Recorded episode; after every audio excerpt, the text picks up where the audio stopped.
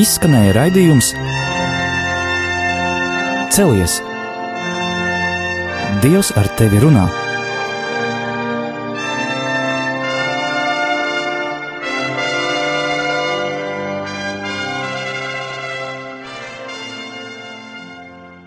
Slavēts Jēzus Kristus.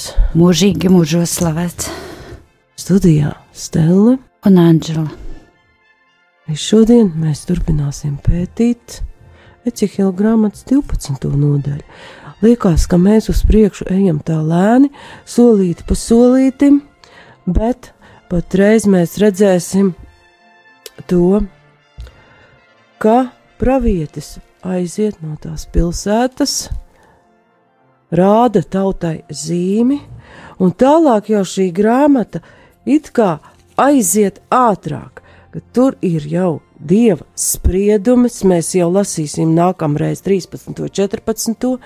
ka ir dieva spriedums tiem, kas ir atbildīgi par šo situāciju, kā viltus praviešiem, kā arī elku kalpiem, un nākamreiz jau mēs redzēsim, ka abas šīs lietas ir ļoti, ļoti saistītas.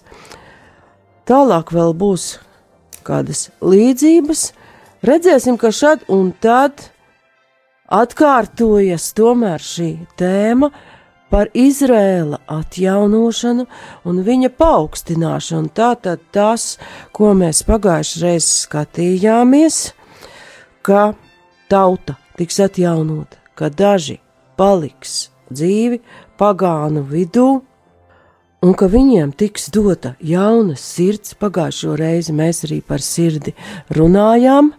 Šī tēma par atjaunotu tautu atkārtojas atkal un atkal. Tāpat kā pie Cehēla, kā jau iepriekš to teicu, nekur tik daudz ne pie viena pravieša mēs neatradāsim.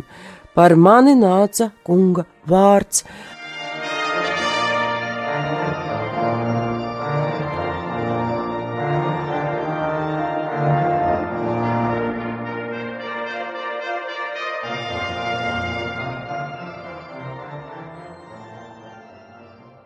Tātad eh, pravietis kunga spēkā un kunga garā sludina šo kunga vārdu, un kaut arī šo grāmatu neuzskata par tādu ļoti mesijānisku, un tur nav tieši priekšpasludinājumi par Kristus nākšanu, par viņa ciešanām, un ka viņš būs tas, kas visu sapulcinās vienkops, kā mēs to redzam, piemēram, pie Isaija Tomēr visu laiku ir redzama šī tautas kopā savākšana, ka no mazuma starp tautām tiks atjaunota liela tauta, dzims kaut kas jauns, un netieši mēs varam saprast, ka šī kopā savākšana un Izrēla atjaunošana jau nenotiek tā, ka mēs iedomātos, ka viena izredzētā tauta, šī konkrētā semīta tauta, atkal atgriežas mājās, kļūst par milzīgu tautu, un ko mēs redzam 12. nodaļā. Par pravietu atkal nāk kunga vārds, un ir šī uzruna. Tu, cilvēka bērns, tu dzīvo stūrgalvīgas cilts vidū. Krieviski ir nedaudz savādāk. И было ко мне слово Господне, Сын человеческий, ты живешь среди дома мятежного, У них есть глаза, чтобы видеть, они видят. У них есть уши, чтобы слышать, они слышат, потому что они mītiežный dom. Tātad, ko mēs dzirdējām? Te ir teikts, stūrgalvīgas cilts vidū. Anģela lasa, ņaķežnī dom, dumpīgs nams. Tātad dumpīga cilvēku kopa, kas nav vienkārši stūrgalvīgi, bet viņi ir dumpīgi. Jo pastāv zināmas starpības starp tādu, nu, stūrgalvīgu vai dumpi. Jo, nu, mēs bieži sakām, stūrgalvīgs bērns. Viņam ir tāds raksturs, viņam ir kāda pretestība pret kaut ko. Bet dumpīgs, dumpīgs cilvēks vai dumpīga tauta, tā jau ir apzināta rīcība, apzināta pretestība pret kaut ko, un šajā gadījumā var saprast ka tā ir pretestība pret paša dieva vārdu un viņa likumu.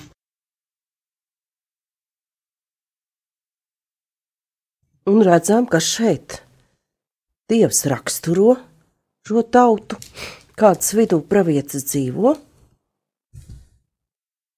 Pravietis rīkojas kunga vārdā, un redzam, ka pravietis atkal tiek aicināts uz rīcību, nevis runāšanu. Jo runāšanu bieži ir tā, arī es pie tiem cilvēkiem piedaru, kas it kā nedzird, bet redz, redz, zīmi un to saprot, bet mēs redzēsim tālāk, kā ar to izredzēto tautu Ecehila laikā ir stipri bēdīgāk. Viņi skatās un neredz. Un te jau šo vārdu mēs arī varam izlasīt Dumpīgs nams, tiem ir acis, lai redzētu, bet tie neredz. Tiem ir ausis, lai dzirdētu, bet tie nedzird jo tie ir pretestības pilni cilts un kā ir krieviski. Jā, tā kā varbūt Tas bija vēlreiz, а, vēlreiz jā. Jā, labi. У них есть глаза, чтобы видеть, они видят. У них есть уши, чтобы слышать, они слышат, потому что они мятежный дом. Ты же, сын человеческий, изготовь себе нужное для переселения, и среди дня переселяйся перед глазами их, и переселяйся с места твое в другое место, перед глазами их. Может быть, они уразумеют, хотя они дом мятежный, и вещи твои вынеси, как вещи, нужные для переселения, днем перед глазами их, и сам выйди вечером перед глазами их, как выходит для переселения. Paldies! Un te mēs atkal redzam šo tulkojuma īpatnību. Sturgāvīgs cilts vidū mēs lasām latviski, tāpēc arī vēlējos, lai atkārto, jo tie ir pretestības pilna cilts. Sturgāvība un pretestība ļoti tuvi jēdzieni, bet pretestīgs un sturgāvīgs tu vari teikt pat arī būt neapzināti. Man kaut kas biedē, nepatīk, es pretojos.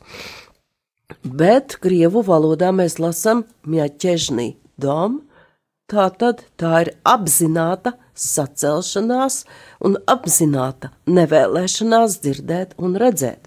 Tās ausis ir aiztaisītas ciet, viņas nav atvērtas dieva balsī. Viņiem fiziski ausis ir, fiziski acis ir, bet garīgi šie cilvēki ir akli un kurli. Viņi nedzird vārdu un garu, ko Ecehēls dzird un vēlas viņiem nodot tālāk.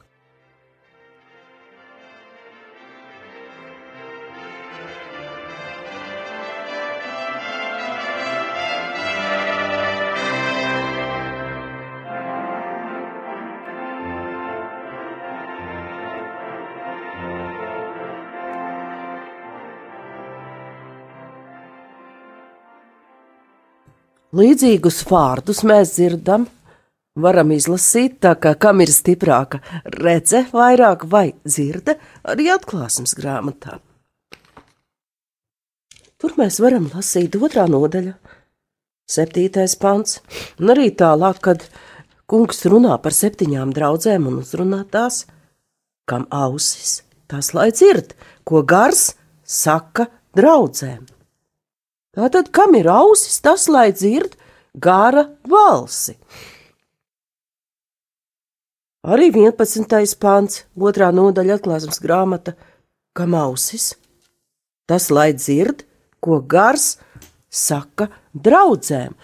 Un, ja mēs skatāmies grieķu valodā šo vārdu atklāsmes grāmatā, Tur ir pat viens skaitlis, tā tad runa ir it kā par tādu vienu lielu ausi, jeb milzīgu sakoncentrētību uz dieva runāto vārdu. Un šajā atklāsmes grāmatas gadījumā šī dzirdēšana, auss atvēršana garantē draudžu pastāvēšanu un to izdzīvošanu. Redzēšana tā var arī attiekties uz to redzēt, kur ir Dievs. Tāda uzruna nāc un redzi, ir atrodama Jāņa evanģēlijā, pirmā nodaļā, 39. pantā. Tā kā eh, Dievs pat runā ne tikai, lai var dzirdēt, bet viņš runā arī uz cilvēkiem caur to, ko viņi redz. Jāņa evanģēlijā pirmajā nodaļā, 39. pantā, mēs varam lasīt. Viņš tiem sacīja: Nāciet, tad redzēsiet. Tad tie nogāja un redzēja, kur viņš mājo, un palika to dienu pie viņa. Tas bija ap desmito stundu. Un šis teksts ir par pirmo mācekļu aicināšanu.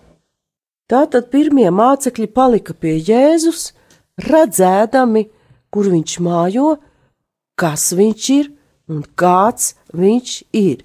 Tātad viņu acis bija atvērtas, lai saskatītu, ka tas ir kungs un ka viņam var sekot. Un arī Lūkas evanģēlijā mēs varam lasīt tādu, dzirdēt arī tādu līdzību. Kādam cilvēkam bija vīgis koks, stādīts viņa vīna dārzā, un viņš nāca un meklē uz viņa augļus, bet neatrada. Tad viņš sacīja dārzniekam: Redzi, jau trīs gadus es nāku un meklēju augļus uz šī vīgis koka, bet neatrodu nocert to, ko tas velti izsūdza zeme. Bet tas viņam atbildēja un sacīja: Kungs, atstāj to vēl šo gadu, kamēr es to aprakšu un apmēslošu. Varbūt tas turpmāk nesīs augļus, bet ja nē, tad tu vari nocirst. Paldies! Un kā mēs komentētu to? Nu jā, komentēt. Dievs žēlsirdīgs, un viņš vienmēr mūs gaida, lai mēs atgrieztos Tā pie kā? viņa. Arī tāpēc jau pravietis nāk, Ezehels. Un... Viņš atgādina visdažādākajos veidos, lai tas koks vēl nebūtu jācērt. Jā, jo tā arī šeit šī situācija tik tiešām veidojas, kā pravietis ir runājis. Viņš ir jau iepriekš rādījis zīmes. Mēs varam atcerēties, kā tur bija, ka viņš gulēja uz vieniem sāniem un uz otriem un ēda to briesmīgo maizi, par kuru mēs pat nevaram saprast, kā to var darīt. Arī šoreiz viņam ir jārāda zīme. Viņu acu priekšā šeit tekstā mēs visu laiku lasām. Viņu acu priekšā ņem ceļa piedarums. Apklāj savu vaigu. Es tevi gribu, gribu tevi darīt par zīmi Izraēla tautai.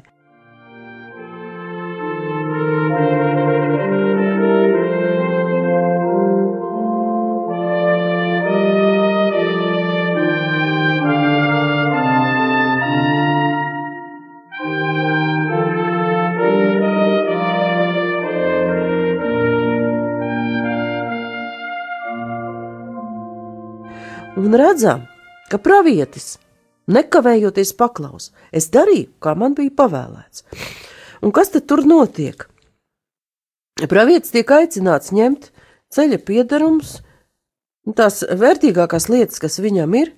Nu, 4. pantā latviešu pat lasām visas savas mantas, it kā tās būtu ceļa piedarumi, bet mēs saprotam, ka nekāda milzīga mantība jau tajā laikā cilvēkiem vispār nebija, kā mēs to tagad iedomājamies, ne no vēl pravietim, bet viņam ir jādodas ceļā kā cilvēkam, kas pārceļas no vienas vietas uz otru. Viņš nevar tikt ārā dienas laikā. Viņam jāiet tumsā, un viņš nevar normāli iziet pa durvīm. Mums nav saprotams, kāpēc vakarā jālauž sienā spraugu. Tas norāda uz Jeruzalemes aplēkumu, ka nebūs iespējams iziet pa tie, tās vārtiem gaišā dienas laikā. Un tālāk jau ir pavisam konkrēts uzdevums. Sakitiem, tā saka Dievs tas kungs, šis vārds ir par valdnieku Jeruzalemē un par visu Izrēla namu, kas tur dzīvo. Saki tiem, es esmu jums par zīmi, kā es darīju šeit, tā notiks ar viņiem, tos izvedīs, un tiem būs jādodas trimdā. Un tālāk no 12. līdz 14. pantām jau ir diezgan tieši apraksts par valdnieku, kas ir viņu vidū, un vēsturiski šeit ir runa par ķēniņu Cedekiju, kuru aizveda trimdā. Un šeit vēl ir tādi dīvaini vārdi. Viņš apklās savu vaigu, lai neredzētu vairs zemi ar savām acīm. Bet es metīšu savu tīklu un izplāšu to par viņu, lai viņš ir sagūstīts manos falgos. Es viņu aizvedīšu uz Bābeli kaldeju zemē, bet viņš to neredzēs. Un tur ir tāda interesanta lieta, ka šis cedekija pašu Bābeles ķēniņu gan redzēja, bet Bābeli kā tādu nē, un varētu likties dīvaini, kā ja viņu aizveda trimdā. Bet Bābeles ķēniņu Cedekija redzēja Rīvlā, kur tika arī nogalināti visi šie. Viņa palīgi, un viņam pašam izdūra acis bet uz eh, Bābeli tomēr aizveda. Tā tad ķēniņu viņš redzēja, bet tālāk pašu Bābeli nē, un šeit pravieša rīcība ir šis pasludinājums par ķēniņa traģisko likteni, un arī visas pilsētas. Un arī mēs varam izlasīt Mateja evaņģēlijā ka Je, e, Jēzus sūta savus mācekļus uz Jeruzalemi, un kad tie tuvējās Jeruzalemē un nāca pie Betfagas, pie Elles kalna, tad Jēzus sūtīja divus no saviem mācekļiem un tiem sacīja: Eite uz ciemu, kas jūsu priekšā, un tūdaļ jūs atradīsiet ēzeļa māti, piesietu pie tās kumeļu Atraisiet tos un vēdiet pie manis, un ja kas jums ko sacīs, tad atsakiet, tām kungam to vajag tūdaļ, viņš jums tos atlaidīs. Bet viss tas notika, lai piepildītos pravieša sludinātais vārds. Sakai cienas meitai, redzi, tavs ķēniņš nāk pie tevis lēnprātīgs, jādams uz ezeļa un nastu nesēs ezeļa mātes kumeļa, un mācekļi nogāja un darīja tā, kā Jēzu tiem bija pavēlējis. Atveda ezeļa māti un kumeļu, uzlika tiem savus drēbes un sēdināja viņu tur virsū. Tātad mēs redzam, ka arī jaunajā derībā Dievs liek runāt caur šīm zīmēm. Viņš ierosina cilvēkus jautāt, kas tas ir, kāpēc. Un tur mēs redzam, ka ķēniņš atgriežas Izrēlā, bet tas jau ir cits ķēniņš, kurš ienāk pilsētā, kuru valstība nav no šīs pasaules.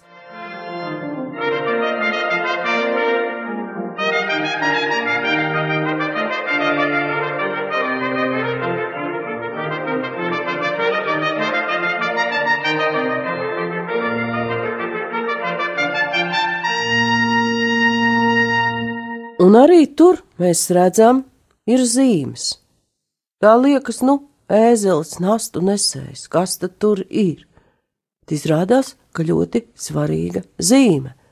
Šis ēzelis nastu nesējis nozīmē, ka ķēniņš nāk ar mieru, jo ķēniņš iekarotājs vienmēr iejāja pilsētā zirgu un zobenrokā. Tā tad jau tur ir šī zīme. Ir arī šis paskaidrojums, tam kungam tā vajag, un cilvēki sāk domāt, kas tas ir par kungu, kuram tā vajag, un kāpēc viņš vēlas ierasties uz tāda pieticīga dzīvnieka ēzeli, kurš nu netika vērtēts kā ļoti tāds eh, parādas jājams lops. Tas bija vienkārši nāstu nesējs dzīvnieks. Un kaut kādā mērā saskaņojas arī ar Ecihiela grāmatu, ka Gan Jēzus, gan šeit Ecihela rīcība grib izraisīt šo jautājumu, šo cilvēku skatienu. Kāpēc? Jo 12. nodaļa, 8. pantā mēs lasām: Nākamā rītā par mani nāca tā kunga vārds - cilvēka bērns. Vai Izraēla nams šī turgalvīgā cilts krieviski noteiktiem ieķežnī dom, tev nejautāja, ko tu dari. Tad acīm redzot, viņi visi ir paskatījušies, neko īpašu nav jautājuši, nu labi, lai tas pravietis tur iet prom. Bet atcerēsimies, ka Jēzus gadījumā tur par to ezelīti laikam kaut kādi jautājumi tomēr bija, bet uz paskaidrojumu tam kungam tā vajag, šis ezelīts arī tika dots. Arī šeit ir uzticēšanās kungam, jā, Dievu vārdam. Jā, Un kā apustuļiem, kā mācekļiem, tā arī pravietim. Šeit ir būtībā, var teikt, atšķirīgi.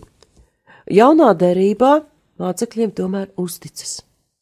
Viņš šo zīmi, to eselīti dabū, bet pravietim, Ecehēlam, viņi vienkārši viņu neredz un necīr. Smagāks uzdevums. Smagāks uzdevums un smagāks gadījums, ja tā varētu teikt. Un tālāk, 12. nodaļā, turpinās šis vēstījums atkal ar zīmēm. 18. pants. Cilvēka bērns, tev savu maizi jāēda trebēšana, un savs ūdens jādzer ar trīcēšanu un bailēm. Te nav tieši paskaidrots, bet varam atkal domāt, ka ir tāpat kā ar to uh, mēslos cepto maizi, pa kur mēs iepriekš runājām, ka pravietis atkal publiski ar bailēm dzer ūdeni un ēd maizi. Tā tad runa ir par bailēm, iedzīvotāju starpā arī par to, ka tā maize un ūdens būs ļoti, ļoti normēti, tie nebūs pietiekami. Tie ēdīs savu maizi ar bailēm un dzers savu ūdeni ar bēdām, tādēļ, ka viņu zeme panīks, tukšodamās no saviem labumiem, savu iedzīvotāju varas darbu dēļ. Tā tad Te jau ir tieši parādīts arī iemesls, ka tie ir izredzētās tautas varas darbi, kas izraisa dieva reakciju.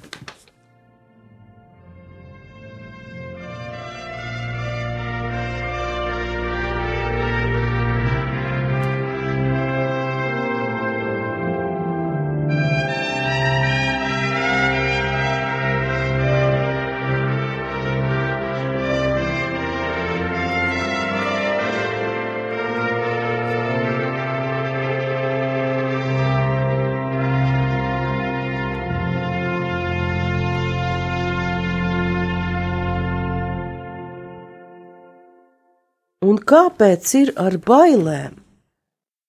Jau Mateja evanģēlijā, 24. nodaļā, mēs arī varam lasīt par bailēm. Bailes cilvēkus pārņem, ka viņi jūt, tuvojamies Dieva tiesu. Mateja evanģēlijas 24. nodaļa,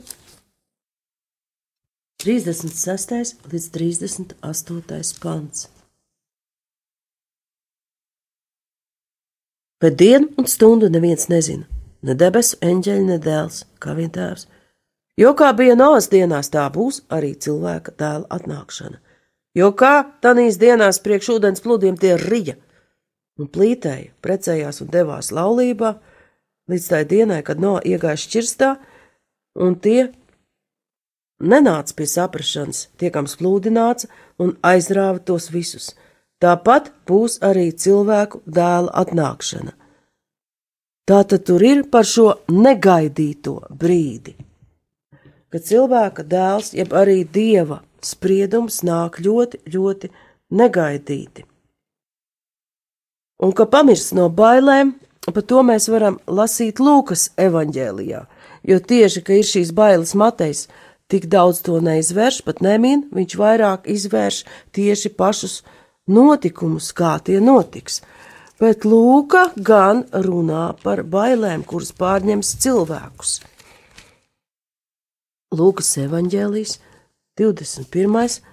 21. nodaļā arī ir garš fragments, kas ir ļoti līdzīgs tam Mateja evanģēlīja fragmentam, kuru mēs nedaudz šeit redzējām. Lūkas evanģēlijā šis apraksts par pēdējo laiku zīmēm ir no 5. panta līdz 28. un tur ir teikts, ja lasām 21. no 25. un tālāk, pēc tam būs zīmes pie saules, mēnesis un zvaigznēm. Tautas virs zemes būs neziņā, kur palikt, jo jūra kauks un celsies, un cilvēkiem sirds pamirs izbailēs, gaidot lietas, kas nāks visā pasaulē, jo debesu stiprumi sakustēsies.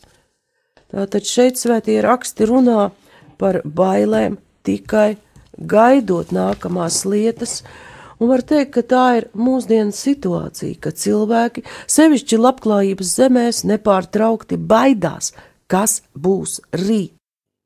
Un arī Lūkas evanģēlija 20 pirmajā nodaļā mēs varam lasīt priekš mums tādu atgādinājumu, brīdinājumu, bet sargieties, ka jūsu sirdis netop apgrūtinātas no vīna skurbuma un no reibuma un laicīgām rūpēm, kā šī diena jums piepeši neuzbruk, jo kā slazda valks viņa nāks par visiem, kas dzīvo zemes virsū, tāpēc palieciet nomodā visu laiku, Dievu lūgdami, lai jūs spētu izglābties no visām šīm briesmām, kurām ir jānāk, un lai jūs varētu stāties cilvēka dēļ priekšā.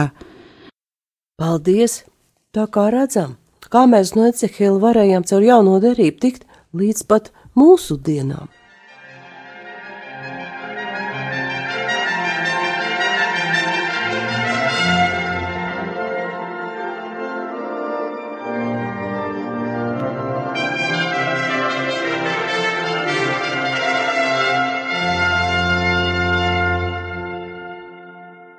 Tātad visos šajos raksturfragmentos ir šis brīdinājums ņemt vērā šos neizdibināmos dieva ceļus, un ka rīcībai, kas nesaskan ar kunga gribu, vienmēr ir sekas. Bet par to, kā cilvēki reaģē uz praviešu vārdiem un kā viņi paļaujas uz viltus praviešiem, mēs runāsim jau nākošajā raidījumā. Šodien Paldies par uzmanību! Studijā bija Stela un Anģela.